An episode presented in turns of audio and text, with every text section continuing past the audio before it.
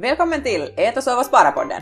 En podd som finns till för att inspirera och göra privatekonomi och sparande roligt. Jag heter Ronja. Och jag heter Ida. Nu kör vi! Hej och välkomna tillbaka till Äta, sova, spara-podden. Uh, för det första är jag helt super excited att vi sitter i studion. Vi har haft en längre paus med Äta, sova, spara, så varje avsnitt man spelar in nu så är bara så här vet, guld, uh, ren guld. Hej Ida! Hej Ronja! Uh, vi har också med oss i studion idag Elin Kvist. Välkommen! Tack så mycket, det känns så jätteroligt att vara här. alltså, jag är också helt super uh, ivrig över det här avsnittet och, och vi brukar alltid med Ida konstatera att, att det är ju så tassigt på något vis, för de bästa diskussionerna alltid när man spelar in podd är ju oftast utanför räcktryckningen. Mm. För att det blir ju ofta så där att man, man liksom pratar fritt och, och brett och så här, men vi ska försöka få också en massa bra diskussioner också nu här på bandet idag. Och uh, vi har ju ganska bra så här, då, liksom, uh, vad heter det? Jag tappade ordet, lähtökohdat. Uh, utgångsläge. Eftersom Elin gör själv också podcast Uh, vi gör podcast så det här kommer att bli säkert helt jättesuperbra. Ja. Uh, du Elin håller på och sysslar och har, är faktiskt uh, modern för CEO-podcasten. Uh, men jag tänker att om folk inte vet vem du är så får du gärna berätta lite mer om dig själv. Vem är Elin? Oj, det där är alltid vad heter det, en svår fråga på något sätt. Och sen just, jag har övat så mycket nu på finska att berätta om mig själv. Så nu är jag helt liksom, att hur talar man en svenska? Så har glömt typ bort det. Uh, men uh, ja, Elin är uh, 22 år gammal, studerar på Hanken. Fjärdeårsstuderande, håller på med magistern, studerar finansiering och marknadsföring. Eh, uh, vilket har varit väldigt roligt. Uh, har jobbat på Spaltbär, eller om man tänker lite på arbetskarriären så har jag jobbat faktiskt här, det är där var jag träffade min partner Siro. Uh, för, för vår podcast Shio då och nu under våren så ska jag börja jobba som en konsult eller ha en konsult-internship men ja, inte vet jag, du drog upp här att jag var finlandslucia trots allt, jag hade glömt bort det själv. nej, alltså, nej, jag tycker bara det är så fantastiskt på något vis det att du är finlandslucia 2018, för en av mina nära vänner har också varit finlandslucia. Jag tycker det är en så ljuvlig tradition. Och jag sa åt Ida i bilen när vi pratade så här vad vi, vad vi kanske vill ta upp, så sa jag det att, att det är ju helt självklart att Elin som är finlandssvensk gör skio på finska. För har man varit Finlands lucia, så då har man nog så jäkla mycket mod och, och liksom courage i sig, att det inte finns någon gräns heller. Så, så det säger ju liksom någonting om dig massor, tycker jag det, att du har, du har liksom traskat ner för trapporna och, och, och stått där med ljusen i, i håret och, och det där, stått framför finska folket. Ja, det är nog, vad heter det nu, det är på något sätt, det låter alltid när man talar om, om att man har varit Finlands lucia. på något sätt när man är själv den personen som har varit det. Att när jag gick, gick ner för trapporna, om man ska åka den här Eh, kärran då, då runt Helsingfors så var det människor som ropade liksom Elin och jag tänkte hela tiden att vad är covering här liksom? Som jag ropar. Så kom jag på att ah, men det är människor jag inte känner. Att, att då, var det, då fick man lite kanske sådär att oj, att, att, att, att man är faktiskt offentlig. Mm. Man har liksom, folk vet vem du är. Ja, exakt. Man är inte mer inkognito där. får, jag, får jag också dela min Lucia-story? No, jag har också varit Lucia årskurs två i Vårberga skola i Borgo. Oh, härligt. Plus att äh, det året så var vår gympasal, jag kommer inte ihåg varför den var Eh, under reparation, att det liksom, man kunde inte ha julfesten där. Så vi hade i Borgo, inte i domkyrkan men i lilla kyrkan, julfesten och jag fick gå den där långa, långa äh, vägen dit till altaret. Och wow! Och i en vit klänning, alla små flickors dröm. Ja. Vad mysigt. Alltså jag tycker att det gulligaste är nog liksom de här småbarnstraditionerna ja. med alla. Ja. Det är nog så härligt. Men hej Elin, hur, det där, hur kom det sig att, att, uh, att du ville grunda en podcast från första början överhuvudtaget? Är det någonting som du alltid har vetat? Har du själv lyssnat på poddar? Eller hur, liksom, hur kom du fram till det? Uh, no, jag, jag, skulle säga att liksom, som sagt, jag är en väldigt kreativ person. Att jag har alltid varit kanske mer sådär att om det finns någonting jag vill göra så gör jag det och så får vi se hur det går. Alltså, att när jag, var, jag startade min första blogg när jag var Uh, när jag var 12 år gammal. Jag tror att den hette Forever Summer Child. Om någon alltså jag älskar namnet. Alltså, vi har en så här rolig historia att berätta här snabbt om hur fjantig man är när man väljer namn emellanåt. Jag säger inte att det där var fjantigt, men seriöst. Alltså vi var med Ida också när vi skulle grunda podd, så var vi sådär, vi ska välja någonting jättefint. Det ska liksom hämta fram allt och vi har ju nu då Äta, sova, spara. Vårt första, uh, vårt första liksom förslag var Unelmien perässä, alltså efter drömmarna. Och jag är helt såhär nu, är helt så herregud, vi har ju det som en skämt så har vi det som en e-mail. Väldigt filosofiskt på något sätt. Det är filosofiskt. Men ja, så att det, att det var liksom, och då var det ju liksom så här mera populärt med We Heart It och sånt här. Men att, att därifrån utvecklades kanske ett så här mera intresse för fotografering. Att jag alltid tyckt om att, att stå bakom kameran än framför kameran. Och vad heter det nu? Ja, sen började jag med det och sen, sen hade jag liksom blivit lite intresserad, kanske mer av, av vad heter det nu, också vlogga och sånt här. Sen tänkte jag, varför inte testa på det? Och testa på det. Uh, nu gör jag inte så aktivt, men jag gjorde det vid ett skede. Det är jäkla mycket jobb. Alltså jag måste säga att hatten av till alla som vloggar, för, det är inte lätt. Äh, du hade alltså en YouTube-kanal? en YouTube-kanal. Ja, vad hette man- den då? No, den är bara under mitt egna namn, som någon vill få dit och skratta så är det bara, bara få dit och kolla på mina editeringar, de är inte några fina. Men vad heter det nu, sen så började jag liksom intressera mig för podcast och så här. Sen när man bor i Finland så är det ju liksom på något sätt att om man ändå tänker i, ett sånt perspektiv att såklart allting man gör går ju från det här att, att man gör någonting från, från sin egen passion och att det är ju inte för att man ska ha 50 000 lyssnare eller, eller miljoner på banken utan, utan det är för att man kanske vill dela med sig av någonting som man själv eh, tycker att är viktigt, vilket ju den här podcasten var, men att sen blev det ganska klart för mig att antingen finska eller, eller engelska. Och vad heter det nu? Då tänkte jag varför nu inte testa på finska? Och först var jag lite sådär att vågar jag, vågar jag inte? Så var jag så att men jag testar och så ser man hur det går. Och det har ju gått helt bra. Alltså jag tycker det har gått jättebra och jag tycker det är så fint på något vis. För jag minns själv, nu har vi, vi har lite på tio års åldersskillnad nu, du och, och, och vi. Ida, kom över din åldersskräck nu ångest. uh, och, det där, och jag minns själv att det var helt mega äh, svårt för, för folk som hade, hade liksom svag finska att prata finska i allmänheten då i gymnasiet äh, under lektionerna. Jag har den turen att jag lärde mig via hobbyerna i högstadiet finska, så jag kunde faktiskt gå modersmålsinriktad finska i gymnasiet. Och det där, och jag tycker att det är härligt att du finns och att du så öppet går in och pratar finska i en svensk podd. Alltså, finska i en finsk podd.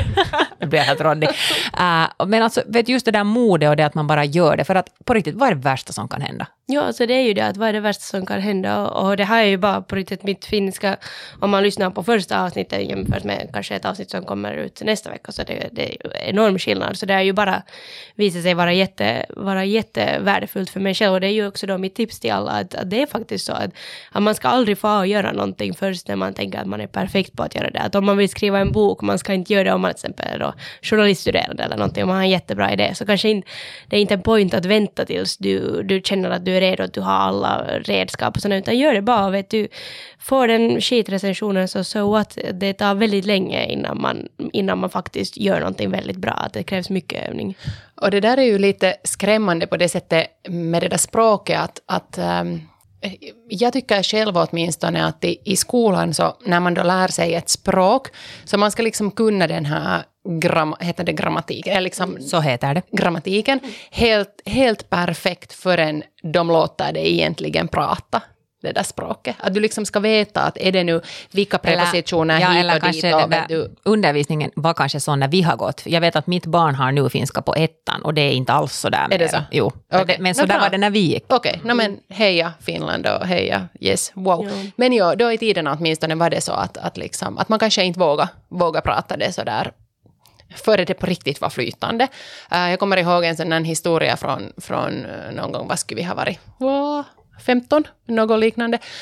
Um, och på stallet var vi då och där var då en, en flicka uh, från finska skolan och, och hon hade jättesvårt med svenskan i, i, i skolan och, och jag som då var i en svensk skola och pratade då dagligen svenska där i skolan och så kom vi då överens med den här, min kompis att, att alltid när vi är på stallet tillsammans så börjar hon att prata svenska. Och jag pratar svenska till henne och vi övar på det sättet. Det är riktigt detsamma att få det rätt eller fel, men att hon vågar prata svenska.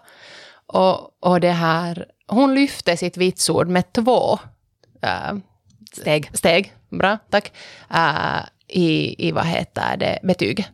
Och det, och det bara med bara en liksom- liten gärning. Det var en jätteliten sak och hon blev liksom jätte, jätteglad. Och Det kändes att jag kunde liksom hjälpa henne helt massor. Så bara det där att man just som du Elin sa, vågar Ja, det handlar ju också mycket om det där att, att det ökar självförtroende. Att min liksom, finska historia är liksom måttligt sorglig på något sätt liksom från skoltiden också. Att, att jag tror att jättemånga har så olika utgångslägen från när man börjar med ett språk. Och finskan är inte lätt. Den är ju liksom helt...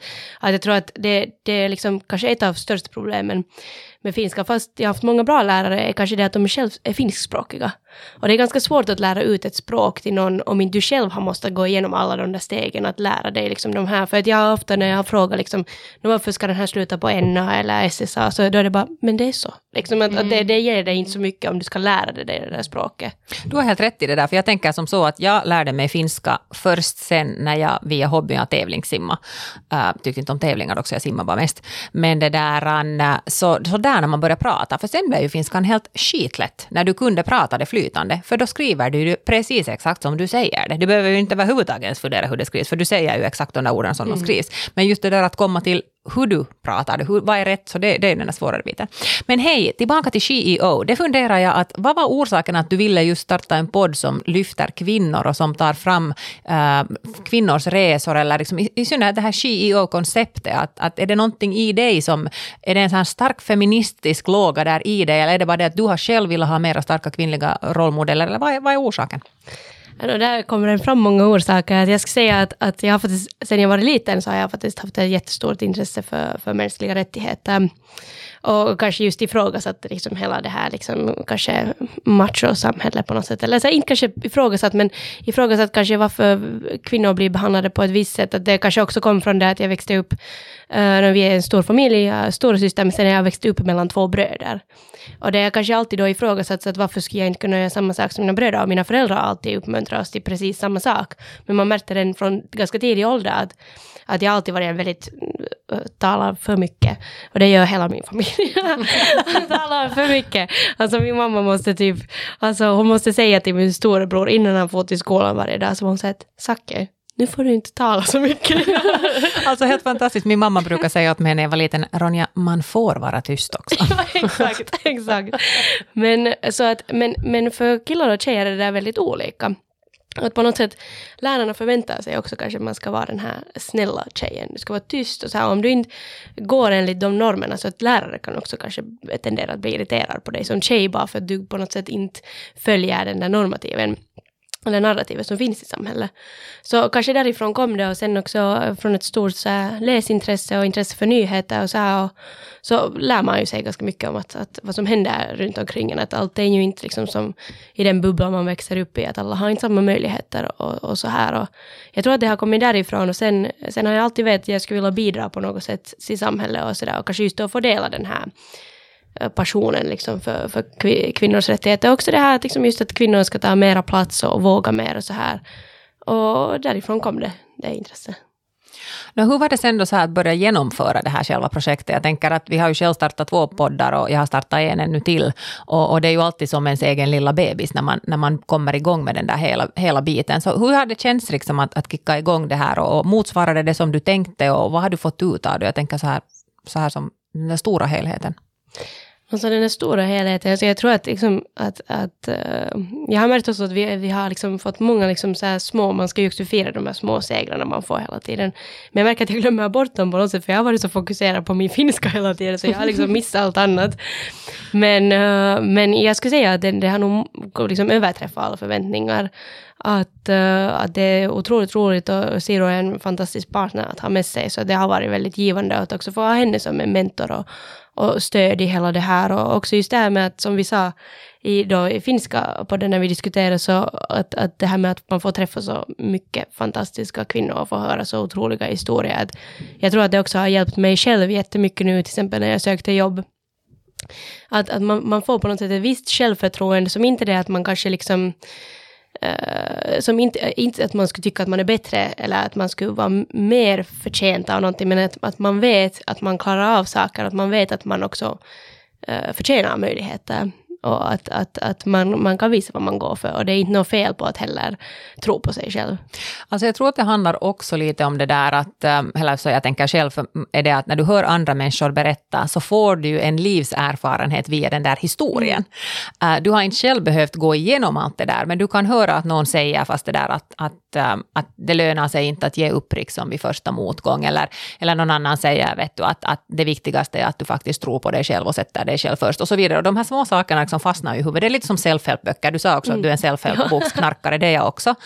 Uh, och, och jag menar, desto mer av de här böckerna du läser, så jag menar, kanske 70 procent av dem har ganska liknande budskap. Men att det är ju först när du har läst kanske 10-15 stycken som det där liksom processen i ditt eget huvud börjar, liksom, det börjar hända någonting. Mm, man börjar se det där mönstret också som finns där och att och just det här att, liksom att, att eh, som, just, som man lär sig eh, som du säger, att det är alltid samma sak.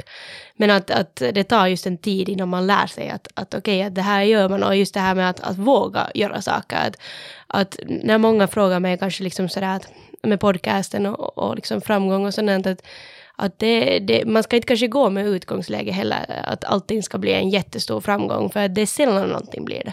Det är sällan man, man faktiskt liksom blir den där topp ett av liksom, men att, att, men att går, går du med inställningen att du gör någonting du älskar och att, att du vill liksom eh, uh, förbättras och du vill liksom gå framåt, så då har du mycket större chans än de som bara gör det för att liksom kanske få ära och berömmelse på något sätt. Ja, och den där resan är en, en, del av den där vägen också, tänker jag. Att, att just det där som att jo, det är bara en liten procent som liksom landar på toppen, som har vet the biggest company eller mest vet revenue eller så vidare. Men, men alla de där människorna du möter på vägen, de där upplevelserna och, och de där liksom känslorna som du också får på något vis, så allt det är ju det är så otroligt värdefullt. Jo, absolut, och man lär ju sig så mycket om sig själv också. Elin, en sak som jag funderade så här att när man startar en podd så, så det är ju också lite sådär som att du, du birth a business. Har du själv haft en tanke om att du, att du vill kanske vara företagare eller någonting? För ni har ju företagarhistorier, har ni lyft en hel del. Finns det en liten företagare inne i dig?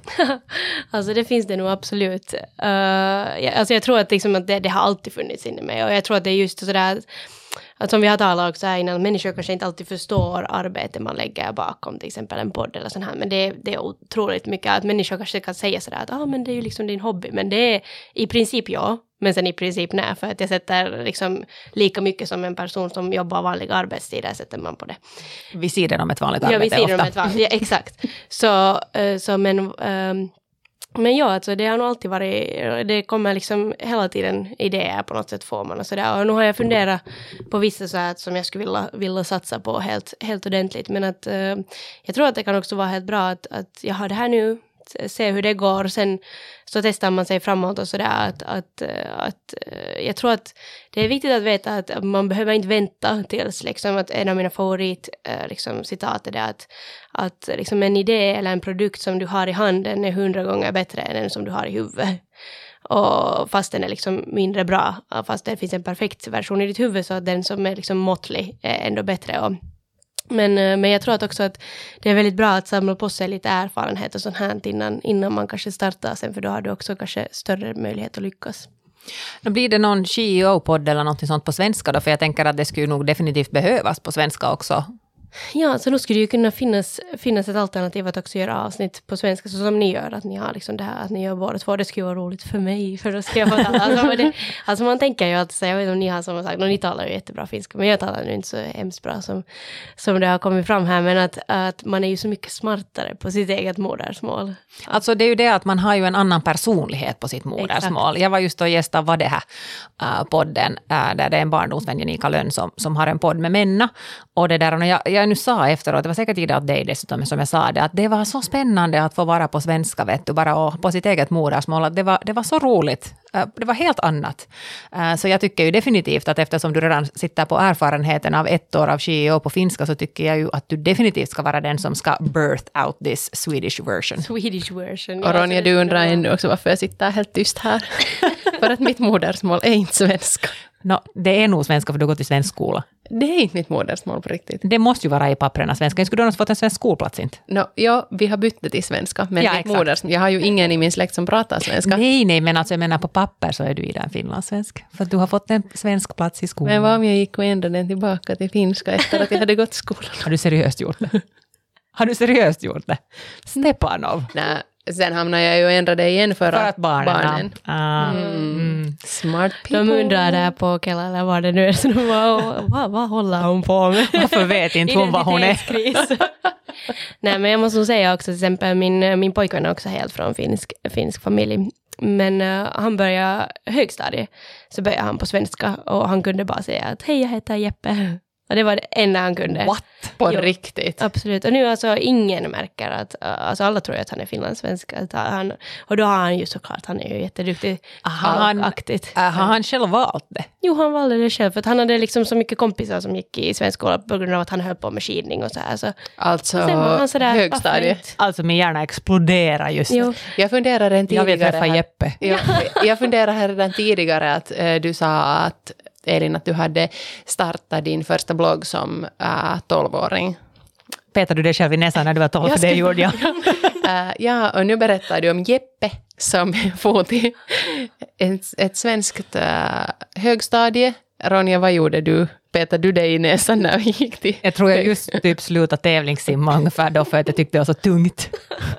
Så jag vet inte. Det är det är så Bo- liksom borde, G. vi, bo, borde vi, Ronja, eh, trycka nu bara av den här? Nej, alltså, och- nej men och- alltså, nej, men ser du Ida, det här, det här är ju bara det att det, det sker Om du en- säger att vi är gamla och att något om följande generationer, Det är det så, jag ska säga. så tänker jag sparka dig i foten Att- just nu. Följande generation är så mycket smartare än vi. Och det är så, och det är så, det, Will Smith här bara.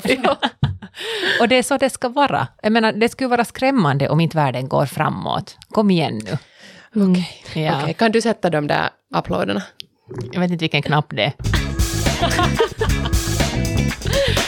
Jag tror det var fel knapp. Vad tror ni? Men ja, alltså sen också, uh, han då min pojkvän, så det är därför det också har varit på något sätt för mig själv det här med liksom finskan och sådär, att, att jag har aldrig på något sätt kunnat klaga över det. För, för att, att, liksom, att han har gjort någonting så på något sätt mycket modigare, liksom ändå att starta en podd är en sak, man börjar skolan liksom just i den åldern när man ändå kanske annars också så utsatt och liksom börjar på ett helt nytt, så det är nog väldigt modigt. Och han är också eh, företagare och har flera olika företag och sånt här, så att det är kanske något där. Helt Där kan vi träffa Jeppe. ja, absolut. Jag ringer honom. Nej, men Elin, vad är det du vill uppnå? Vad är din mission in life här nu? då? Nu har du en podd ute och, och, det där, och du är just färdig från skolan, från Hanken och ska ut i arbetslivet. Men vad är din mission så här? Du sa att du vill lämna ett avtryck i samhället och, och liksom contribute, men, men vad är så här, va- vart, vart är Elin på väg? Vart är Elin på väg? Oj, det är en jättelätt fråga.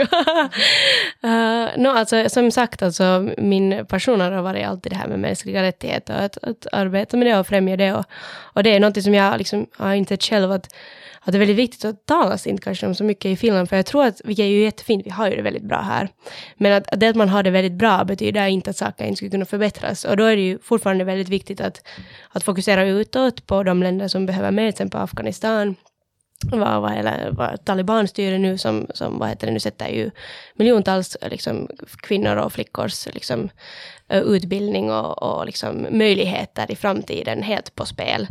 Och, men sen har vi också här i Finland att vi har fortfarande det här nice euro att jag läste här för någon dag sedan en artikel att, att eh, liksom, Finlands ekonomer att det finns ett gap på vad det är 650 euro som inte kan förklaras. Att det är samma arbetsuppgifter, liksom helt samma liksom utgångsläge, men ändå finns det där att, och, och vad är orsaken då? Jo, att det man, man är kvinna. Då är det ju liksom att den här informationen finns här, men varför görs ingenting åt det? Och jag tror att det är någonting som är jätteviktigt att, att, att sätt, kunna sätta exempel med vårt land för att kunna visa till andra länder hur saker ska vara. Så jag tror att det är det, men att jag fick ju också då frågan när jag var Finlands så sa jag ungefär samma sak. Uh, och då var de så här, men varför studerar du på Hanken?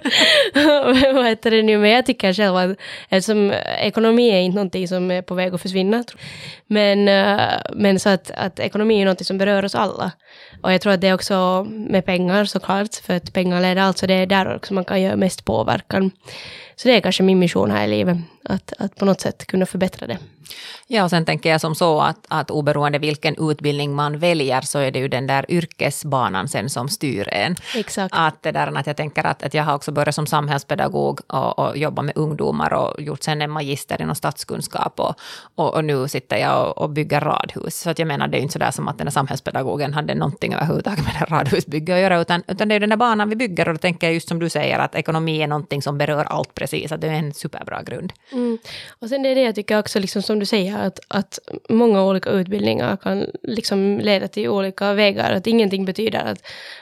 att om man har studerat på medis så inte betyder det nödvändigtvis att du blir läkare. Att, att det tycker jag att det är jätteroligt nu när jag ska börja med det här konsultarbetet då, som en trainee. Så att det var jag liksom själv tyckt att har varit väldigt sådär med kon konsultering. Det att, att i princip vem som helst kan söka till det. Du behöver inte ha en ekono ekonomisk bakgrund för att söka. Att det finns läkare som jobbar som det, det finns liksom sjukskötare, alltså det finns vad som helst för att det liksom handlar mer om det där tänkande och att kunna närma sig ett problem än vad det handlar om din bakgrund. Och jag tycker att det är kanske sånt vi borde ha mer av liksom nu i arbetslivet. Det är mera hur du närmar dig problem, hur du löser problem, hur du behandlar dina medarbetare och hur din ledarskapsstil är. Det är det som definierar dig som en arbetstagare.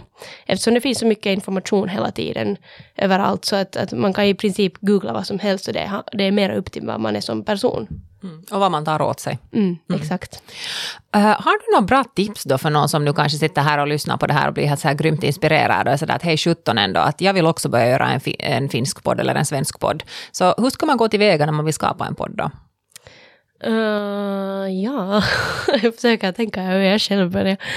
Uh, no, alltså viktigast är ju, alltså det beror ju på om man vill göra ensam eller, eller tillsammans, men om man nu vill göra tillsammans med någon så är det ju viktigt att ha en bra partner. En, eh, kanske också en, en partner som kanske kompletterar de sidorna i dig själv som du vet att du själv kanske har svårare med. Ja, det har vi haft bra med Siro. Och, och vad heter det nu, och sen om det är just en sån här språkfråga som mig, så då skulle jag säga att det har ingen skillnad. Att det är på riktigt bara att försöka, och man lär sig, man kan ju ta så här baby steps, att jag har haft liksom så där, vi har haft frågorna framme, så har vi haft scripts, när jag började så hade jag liksom mer noggrant så här färdiga möjliga svar, det har jag inte mera, och nu behöver jag nästan mera ha frågor. Det går liksom framåt, man behöver inte heller börja med att gå på det sättet all in, utan du kan ha lite så här hjälpsaker med. Och sen att, att, att ha bra verktyg, att såklart att, att en podd med, med bra ljud och, och, och vad heter det nu, kvalitet är ju mycket trevligare att lyssna på för lyssnaren. Har du själv sådär, um, vem, vem bollar du med exempelvis teknik och, och allt sånt här? Att hur, hur fick du reda på, eller var det YouTube, eller hur, hur löste du alla de här problemen som man behöver ha? Man behöver välja vart man sätter ut den, vilka kaluston eller utrustning man ska ha och så vidare. Hur löste du? Uh, no, själv uh, hittade jag, vi använder Acast, så det, det hittade jag bara själv, jag höll på att söka och kolla. Och sen hade jag faktiskt några kompisar som, som hade podcast från tidigare och de diskuterade med lite att vad gör de och så här. Och sen så hade vi faktiskt, eller det råkade vara samtidigt här en, en eh, som när jag var, eh, vad heter det, på praktik här på Spalt, så var det en som faktiskt har utbildning inom liksom ljud, uh, ljud vad hur säger ärniteknik. Ljudteknik. Ljudteknik, ärniteknik. Se nu, du är finne redan. Ja, jag är finne.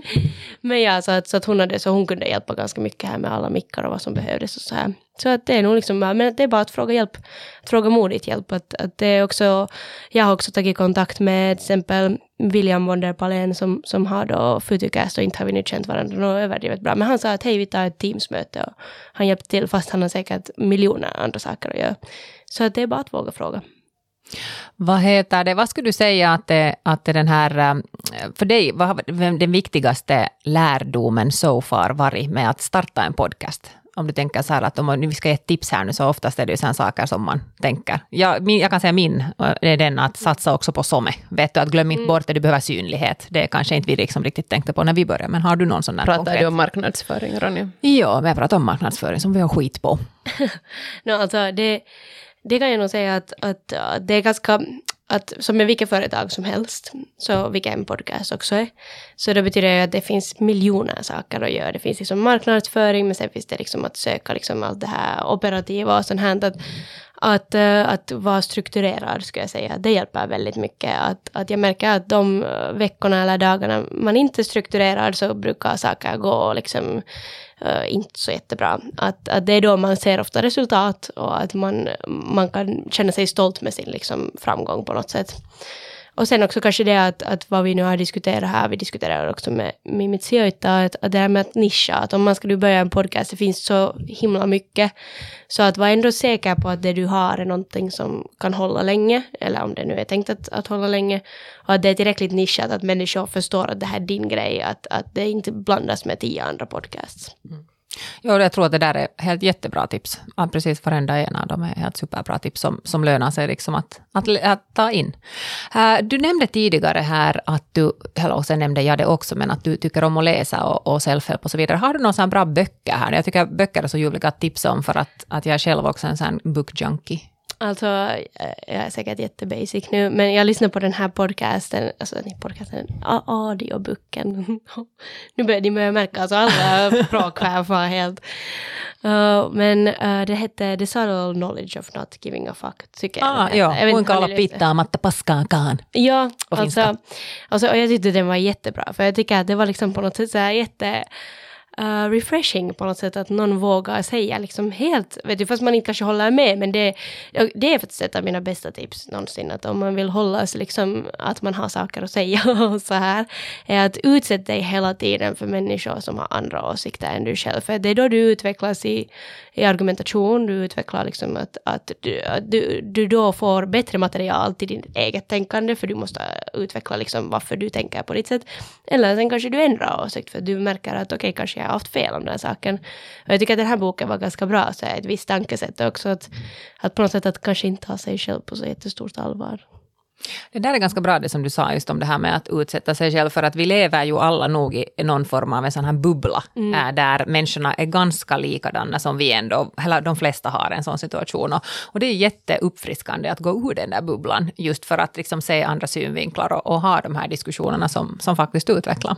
Jo, absolut. Det är jätteroligt. I dagens samhälle är människor väldigt högljudda och att man vill ha sin egen åsikt framme och om inte människor håller med så är det liksom cancel-kultur och sånt. Att jag tror att, att det är viktigt att man också lär sig att, att lyssna. Mm. Och jag tror också det är viktigt att det, det blir vanligare också att, att diskussioner också förs öppet bland människor som inte har samma åsikt. Att jag tänker Absolut. att det skulle också vara jättehälsosamt om det skulle finnas podcaster där man sätter sig ner och hälsosamt diskuterar olika synvinklar, tänker mm. jag. Och på det sättet så för vi ju allt vidare, när man liksom lyssnar på andra, men ändå respekterar de där andras åsikter. Mm.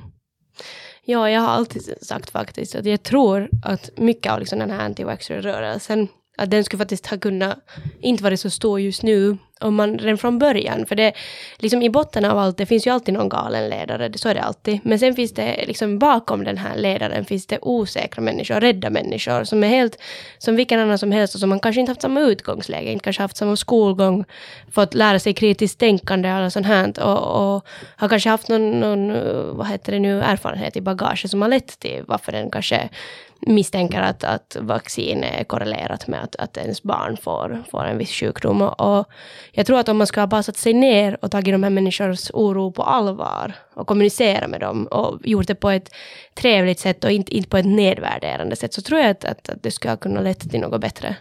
Jo, jag tror att, att det, det, blir så fel sen när vi går så långt som att det finns ju de här anti-vaxxer-dokumentärerna, mm. och sen tror Netflix till och med kanske har någon. Um, och, det där, och jag menar, det är ju jättebra att det görs sådana här dokumentärer, men det är ju det att det botar ju inte kanske den där grundgrejen där som just skulle ha varit den där diskussionen. Nej, eller det ökar kanske polariseringen bara, och det är ju liksom, jag tycker att det är hemskt synd att, att vi lever i ett samhälle var människor faktiskt tror. Och att, att jag tror att, att människor kanske inte tänker på det här, att, att vi lever faktiskt i ett samhälle var människor absolut 100% tror att läkemedelsbranschen, att läkare vill dem illa. Vilket är otroligt hemskt att, att, att vad heter det, min pappa själv är läkare. Och det är liksom att det här med att människor inte vaccinerar sina barn mot mässling är ju eh, liksom att Absurd. Du, du utsätter ju ditt barn för otrolig smärta om den blir utsatt för det här. Och det är ju helt sjukt att man väljer att inte göra det för att man är så rädd. Och vad bottnar det sig i? Det bottnar ju sig i att, att samhället är så polariserat och man litar inte på varandra. Det är kanske någonting som man borde jobba mer på. Och där tänker jag också som så just att, att alla livshistorier och alla diskussioner hjälper till och, och där, där liksom, tänker just, det som ni gör med, med GEO är ju det att där lyfter ni ju kvinnor och, och kvinnors historier och berättar olika livsöden och, och livsupplevelser, vilket ju igen hämtar med sig en massa mera diskussion för, för kaffebord runt om i hela Finland, tänker jag. Ja, exakt. exakt, och det var faktiskt ganska roligt när vi hade den här livecasten då på, på Audioland så var det Suvi Tuppurainen som är då Nordnets, uh, vad heter det nu?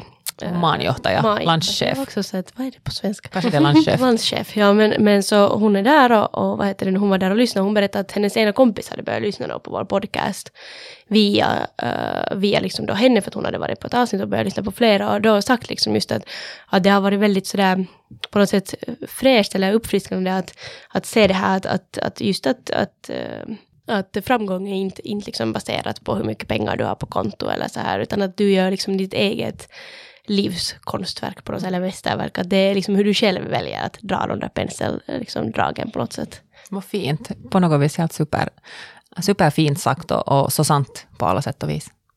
Men hör du Elin, om det är som så att någon nu skulle vilja bekanta sig mera med dig, så var kan man hitta dig förutom på din YouTube-kanal som hade ditt eget namn? Och, Summer Child-bloggen. ja, bloggen, ja. Var hittar man dig annars då? Uh, no, man hittar mig lätt via min Instagram, elin.kvist. Uh, och sen det skrivs QVIST. Människor brukar tro att det är ett U där, men det är det inte. Så där kan man alltid ta och texta mig. Uh, sen har vi vår podcast, Instagram som är at she.e .o.podd. och där hittar man oss. Och sen där finns också mailadresser och grejer, så det är bara att ta kontakt om man har någonting man funderar över. Uh, hej, tusen tack att ni har lyssnat på det här avsnittet och vi hoppas att ni återkommer till nästa. Hej då! Hej då! Hej då!